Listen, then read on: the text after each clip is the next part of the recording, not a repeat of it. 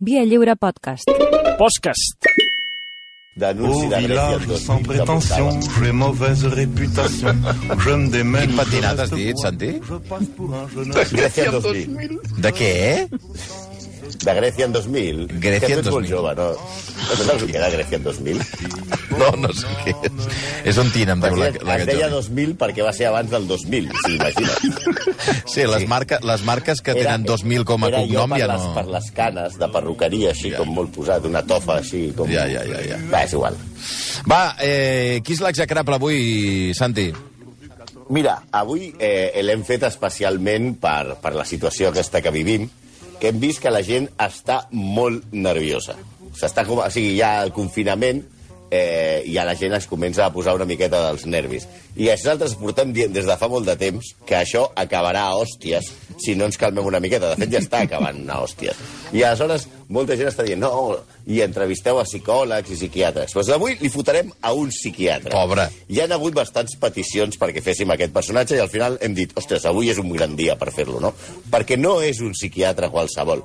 Li donem a un que va ser el primer catedràtic de psiquiatria d'Espanya, que, és el, que vendria a ser com ser el millor torero d'Uganda, però bueno, és igual, el millor catedràtic de psiquiatria d'Espanya. Al costat d'un altre psiquiatre anomenat López Ibor, també conegut com López Pavor, que va ensenyar, que, o va intentar ensenyar a follar a la generació dels Ahir. nostres avis. Escolta'm. Bueno, era el psiquiatre oficial del país, el que parlarem. Un home que va tenir carta blanca del règim franquista.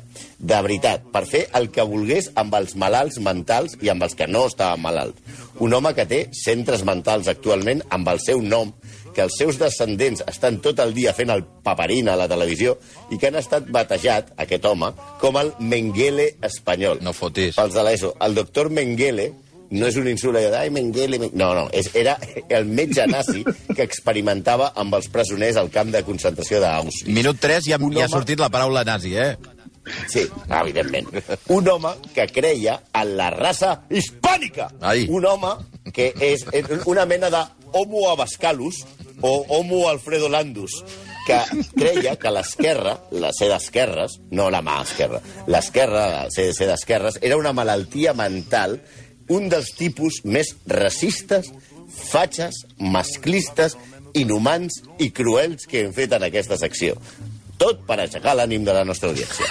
Avui li farem una lobotomia al pare de la psiquiatria espanyola, Antonio Vallejo Nájera. Oi, oi, oi, oi, oi. Espera, la gent que està a casa que no, que no es passi eh, de moviments perquè encara tindrem algun, eh, algun canell que se sortirà de lloc, eh?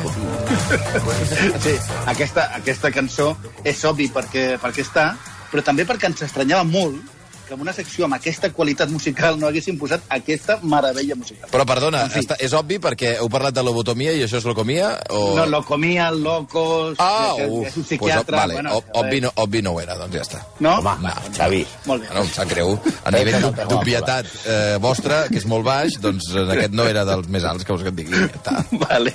Bueno, en fi, aquests dies que tant devem als bons metges, parlarem d'un de dolent. Però dolent, dolent.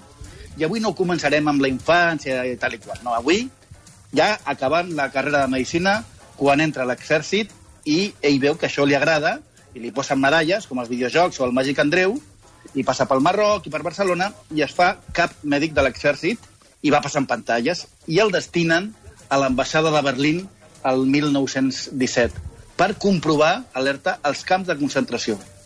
A Alemanya s'ajunten les seves dues grans passions, la psiquiatria i els camps de concentració.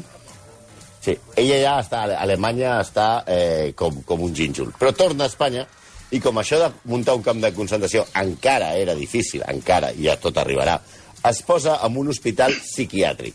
Abans els hospitals psiquiàtrics es deien manicomis. Ell va passar a ser el director de l'hospital de Cienpozuelos. Estem parlant de l'any 1930. Ell té 40 anys, la vida li somriu, es fa professor a l'Acadèmia de Sanitat Militar i es volca amb la psiquiatria. La seva tesi doctoral, atenció, havia estat Aspectos clínicos de la simulación de las enfermedades mentales. Una lectura apassionant per aquests dies de confinament que jo crec que no posaríem, no posaríem de la primera plana ni en 10 quarantenes seguides. Però amb aquestes esclata la Guerra Civil Espanyola i aquí el nostre home troba en el bàndol nacional, òbviament, el seu caldo de cultiu perfecte. Ell elogia des del principi a Franco, el que admira sincera i profundament. I aquí es presenta l'oportuni- l'oportunitat d'aplicar el que teoritzaven els seus amics nazis a Alemanya. Sembla que finalment tindrà els seus camps de concentració. Però abans... Yupi, yupi, yupi! Yupi, camp de concentració, camp de concentració! Però abans que es noti de quin costat està. I comença a publicar propaganda a favor de la causa franquista. A veure, eh, molt equidistant no era amb la causa franquista, no? Ell, per exemple, va escriure Todos debemos unirnos en el ejército y en su caudillo, constructor de la patria. Bueno. Més o menys es veu per quin peu calçava. Sí, home, una mica sí. Molt convençut de les teories eugenèsiques, que són aquelles de les de millorar la raça, no d'aplicar acudits a l'Eugeni, que calia impedir la degeneració de, de, de la raça. Una de les seves primeres idees és recuperar, atenció senyors, no s'ho perdin, recuperar les bondats de la Inquisició espanyola. Hosti, no fotis. Hosti, Sí, sí, una de les primeres escriure. coses que diu és que s'ha de fer inquisició. Sí, S'ha de recuperar la Inquisició. Hi ha gent que vol recuperar les ombreres. Què vols que et digui? Hi ha gent que volia recuperar la Inquisició. Jo, tot, tot torna. I espera't. Aleshores el tio escriu, obro cometes, eh? Corre sangre de inquisidores por nuestras venas y en nuestros genes paternos y maternos. A que parla com Santi Abascal, hòstia. Estan, segueix, estan incrustados cromosomes inquisitoriales. Tanco la cita. Per descomptat, aquesta nova Inquisició s'encarregaria dels mitjans de comunicació del franquisme. Vaja. Home, només faltaria. Però ell tenia també una missió prèvia, que era descobrir el que ell deia el gen rojo. El gen rojo. El gen rojo, mm. què tenien els espanyols per tornar-se tan dolents i tan d'esquerres? Llavors, en plena guerra, li demana permís a Franco per crear el Gabinete de Investigaciones Psicológicas de la, Inspe de la Inspección de Campos de Concentración. Era perfecte pel bàndol franquista. El nom ja demostrarien, Sí, el, el nom tornem a repetir, eren- si us plau. Gabinete de Investigaciones Psicológicas de la Inspección de Campos de Concentración. Ah, exacte. Clar, perquè això, i això era perfecte pels franquistes, perquè així podrien de demostrar que els republicans eren infrahumans. Què dius, Santi? No, espera, espera, que, que una No, cosa no, que no, tu que, penses. que realment se- sería el, el, el Gabinete de Investigaciones Psicológicas de Inspección de Campos de Concentración, sería el hippie click. hippie pipi. Hipic. Hippie, hippie, hippie. Clar, però ell, ell, ell que volia demostrar que, que els, els rojos eren infrahumans, i això és perquè no va arribar a veure de gran el seu net Colate, Colate Vallejo Nájera, perquè aquest sí que mereix un estudi, però seriós. En quin, estem pensant en quin lloc de l'evolució el posaríem, aquest Homo Colatus. Però per sota de Grut, el gos del Santi, segur. Sí, que el, el, tinc, el tinc aquí tirat mirant-me Ah, sí? bastant, bastant inquisitorialment. Doncs to, to, Bueno, toca-li una mica el cap eh, de part nostra, al Gurut. No, no, com comenci, com comenci a, No, pues, vale, pues a actuar, ja, aleshores sí que se'n se'n va tot, eh? Aleshores el senyor Antonio ja té el que vol. Camps de concentració i poder. Llavors es centra, ell, especialment el seu favorit era el camp de concentració de San Pedro de Cardenya, a Burgos, en el que hi ha 3.000 presoners republicans i 600 brigadistes internacionals. Les seves primeres conclusions, quan els inspecciona, són les següents. Obro cita. He tratado de determinar las relaciones que puedan existir entre las cualidades biopsíquicas del sujeto y el fanatismo político-democrático comunista. La idea de las íntimas relaciones entre marxismo e inferioridad mental ya la habíamos expuesto anteriormente en otros trabajos. La comprobación de nuestra hipótesis tiene enorme trascendencia político-social, pues si militan en el marxismo de preferencia psicópatas antisociales, como es nuestra idea, la segregación de estos sujetos desde la infancia podria liberar a la societat d'una plaga tan terrible. És a dir, resumint, això.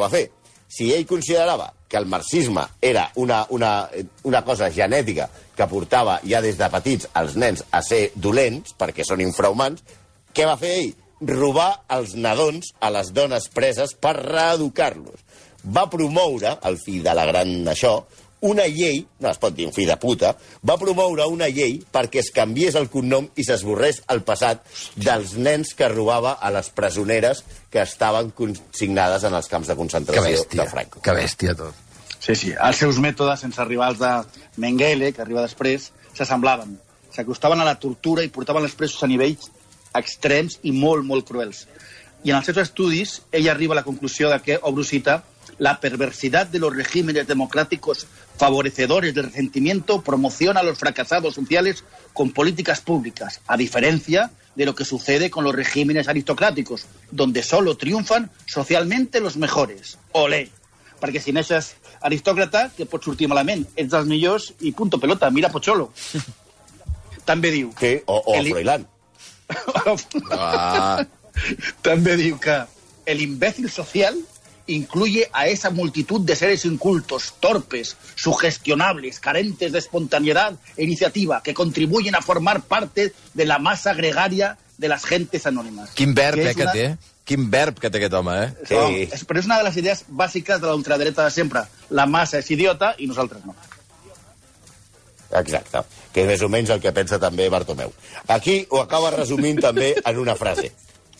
El simplismo del ideario marxisma, marxista y la igualdad social que propugna favorece su asimilación por inferiores mentales y deficientes culturales, incapaces de ideales espirituales que hayan en los bienes materiales que ofrecen el comunismo y la democracia la satisfacción de sus apetencias animales. I és que, a més a més, a part de, de pintar a tots aquests a comunistes i gent d'esquerres com si fossin una, una sèrie de bèsties a, a, a, a, amb banyes i, i rabo, eh, és que i cua també, però a més a més els d'esquerres també els, els, considera, els considera uns borratxos perquè el, ell arriba a escriure com a, com a una teoria seva, entre los marxistas hay un alto índice de temperamentos degenerativos e individuales oligofrénicos.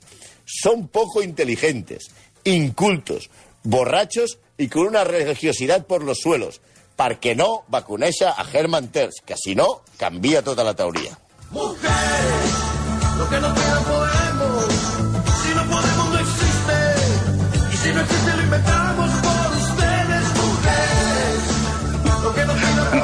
Aquesta perla de cançó tan, Aquesta tan cançó és boníssima. Molt, molt. No, perquè en, en els seus estudis, en aquests estudis, faltaven dones. Així que agafa 50 dones preses i les conclusions són la bomba. He, he trobat en una novel·la fantàstica, per cert, que es diu West End, de José Morella, és un llibre espectacular sobre la malaltia, les malalties mentals, eh, he descobert que Vallejo Nájera titula una eh, de les seves conclusions Investigaciones psicológicas en marxistas femeninos delincuentes. Marxistes femeninos, no dones, marxistes femeninos. Ah, però és, és, bueno, és un espècimen, diguem-ne, no? Exacte. Y las seves conclusions, conclusions van ser la mujer participa en política para satisfacer sus apetencias sexuales. Ay, Carmena, la razón hay que buscarla en la característica debilidad del equilibrio mental de la mujer, la menor resistencia a las influencias ambientales y la inseguridad del control sobre la personalidad. Com podeu veure, estem parlant d'un veritable psicòpata en el qual no només va triomfar en aquells anys de Franco, sinó que, a més a més, ens ha deixat una, una, una, una, una, una generació de tarats que segueixen sortint a la tele, que dels que parlarem ara mateix. També va escriure, Por ello es fundamental que la religión católica imponga a la mujer sus estrictas normas a modo de freno a su tendencia animal. Atenció Oh. que acaba de dir. Oh, oh, oh. La religió catòlica ha de frenar les tendències animals naturals de la dona. És Perquè també diu, cuando desaparecen Això, diu, això és literalment... contienen- Ell, perdona, eh, Santi, això... Literal, literal literal. del que escriu Vallejo Nájera. Sí. Y el que et diré ara també és literal. Diu, cuando desaparecen los frenos que contienen socialmente a la mujer, se despiertan en el sexo femenino el instinto de crueldad y rebasa todas las posibilidades imaginadas, precisamente por faltarle las inhibiciones inteligentes y lógicas características de la crueldad femenina que no queda satisfecha con la ejecución del crimen, sino que aumenta durante su comissió. És a dir, home veia a les dones com la família Manson, més o menys. I a la mujer se le atrofia, se le atrofia la inteligencia como las alas a las mariposas de la isla de Kerguelen, que no saben con collons està, ya que su misión en el mundo, la misión de les mujeres, atenció, Ai, ai, mujeres que ens ai. esteu escoltant, Ai, ai, ai, ai. Enten, enteneu la missió que us, us tenia preparada el senyor Vallejo Nájero, psiquiatre del franquisme, primer catedràtic de psiquiatria d'Espanya, va dir, la misión de las mujeres en el mundo no es la de luchar en la vida, sino acunar la descendencia de quien tiene que luchar por ella, és a dir. Evidentment, aquest, aquest, aquest Ma- sinvergüenza ma- és el campió... 180 perdona, Santi, sinvergüenza és la millor, eh, el millor insult, des del meu punt de vista, en general a la vida, però per Vallejo Nájero de, encara més. Sinvergüenza. Un sinvergüenza. Sinvergüenza. Hauríem de portar a Joan Poquí, que Sí, és el sí, que sí. millor diu sinvergüenza de Catalunya. Sinvergüenza! Aquest tio és el campió, el sinvergüenza aquest, és el campió en gairebé 180 execrables que hem fet en teoria masclista. Sí, sí, sí, tal qual, eh? Però el que, el que realment li preocupava al nostre Antonio era la degeneració de la raça espanyola. Molts Sanchos i pocs Quixots, deia. La raza es espíritu, España es espíritu, Caray. la hispanidad es espíritu. Caray. Por eso hemos de impregnarnos de hispanidad. espíritu. Para, com- para comprender nuestras esencias raciales y diferenciar nuestra raza de las extrañas. Militarismo social, que quiere decir orden, disciplina, sacrificio personal, puntualidad en el servicio, porque la redoma militar encierra esencias puras de virtudes sociales, fortaleza corporal y espiritual. Això sembla militar aquest que parla del coronavirus, ¿eh? Pero bueno, para mejorar la raza es necesario la Sí, sí, militarización de la escuela, de la universidad, del taller, del café, del teatro, de todos los ámbitos sociales. Tan espanyol, tan espanyol, la seva neta es diu Samantha amb H. Treballa a Masterchef, no, no a maestro cocinero. Ai, la raza. Y aunque en rigor no es peor, por ser mayor o menor, yo que tú consulta al doctor López y Ai, moltes gràcies, públic. El que diuen, però, aleshores, Se va dedicat a tot vosaltres, això, eh? evidentment. Però què li va passar a l'acabar la guerra a aquest senyor, aquest, aquest sinvergüenza racista, masclista, feixista, que robava els nens als camps de concentració, eugenista? Doncs que el van fer, com dèiem, el primer catedràtic de psiquiatria d'Espanya. I generacions de psiquiatres van estudiar amb els seus llibres de text, els que va escriure ell, els seus manuals. És més, encara avui, com dèiem, hi ha algun centre amb el seu nom. Encara que va ser el primer catedràtic, cal dir que abans va ocupar la plaça interinament un altre psiquiatre franquista, por supuesto, que també té hospital al seu nom, el doctor Juan José López Ibor. Encara que van col·laborar moltes vegades, els dos no es podien ni veure, eren rivals. Nye, nye, nye, nye, tenien molta mania l'un a l'altre. Però els dos eren igual de menyspreables. Per exemple, el doctor López Ibor va practicar lobotomies i teràpies d'electroxocs a pacients psiquiàtrics per, entre cometes, moltes cometes, curar l'homosexualitat. A l'interviu, a la revista Interviu, a l'any 1973, li van fer una entrevista a López Ibor, López Pavor, també com se'l coneixia, en el qual el, aquest sinvergüenza 2 deia Mi último paciente era un desviado. Después de la intervención del lóbulo inferior derecho, presenta, es cierto, trastornos en la memoria y la vista, pero se muestra más ligeramente atraído por las mujeres. Esa ya va a decir, bueno, le he hecho un agujero en el cerebro, ahora se mea y se caga encima, pero cuando pasa una buena jaca española, le alorna con su mirada És y le molt- lanza un piropo. és molt la fort, això, eh? és que a mi, sense lobotomia, també em falla la vista, em falla la memòria i segueixo mirant a l'estiu. Vale, prou, eh? Sí, és, és terrorífic, eh? Sí, sí, aquest tio, la, encara que tenia una passió, diguem més elevada, que, que li agradava molt, molt, que era la música. I escrivia articles en, en pseudònim OP, i la seva afició era tan gran, tan gran, que va adaptar al castellà i va traduir eh, obres de Wagner. Però ja ho va dir Oh, Woody Allen. A veure, Wagner, eh? No A puc veure com tenia collons de traduir Espera, espera, espera. Al castellà. El que, què dius, Santi? Perdó, és que ara us heu trepitjat. No, que, que, que, a veure com tenia cojones aquest tio de traduir Wagner al castellà i co- com li deia a Lohengrin. Lohengrino? com, com pot traduir Wagner al castellà, l'idiota aquest? Tu què deies, Segueix, Ma Malcolm. què deies Ah, Malcolm? jo deia aquella frase famosa de la pel·li de Woody Allen que dic no puc escoltar tant Wagner perquè m'entren ganes d'envair Polònia. Sí, sí, sí, sí, total. A, a ell li venien ganes de fer de tot. Sí, sí. va entrar ell, ell va entrar realment a, va seguir triomfant i era una gran figura del, del, del món acadèmic va entrar a la Reial Acadèmia de Medicina d'Espanya va presidir congressos i va morir sense que ningú li fes un retret o sigui, semblava un personatge famós, un gran, un gran savi de l'Espanya franquista. Va escriure molts llibres, molts, però només es mantenem un perquè sembla el llibre precursor del Tinder. El llibre, atenció al títol, i si el podeu trobar a algun lloc, també és una bona lectura per aquests dies de confinament, és Eugamia, selecció de novios. Jo no el, no el descarregueu. No, no, avisem, eh? No, no, sisplau. Eh, per cert, eh, deixeu-me dir dues coses només. Eh, una, eh, Santi Malcolm, hi ha una notícia que publica el diari El Ideal de Granada que diu, eh, d'aquest matí, de fa cosa de 20 minuts, diu, más de 200 coches obligados a dar la vuelta cuando llegaban a la costa de Granada en pleno estado de alarma. Entre las excusas, algunas como, tengo que echar de comer a las gallinas. Home, com a excusa és bona. És Com a brut- excusa és bona. és brutal. Tenint en compte que les gallines només mengen en dissabte, les d'aquest senyor, pues clar, i de puta, donen-los de menjar sempre.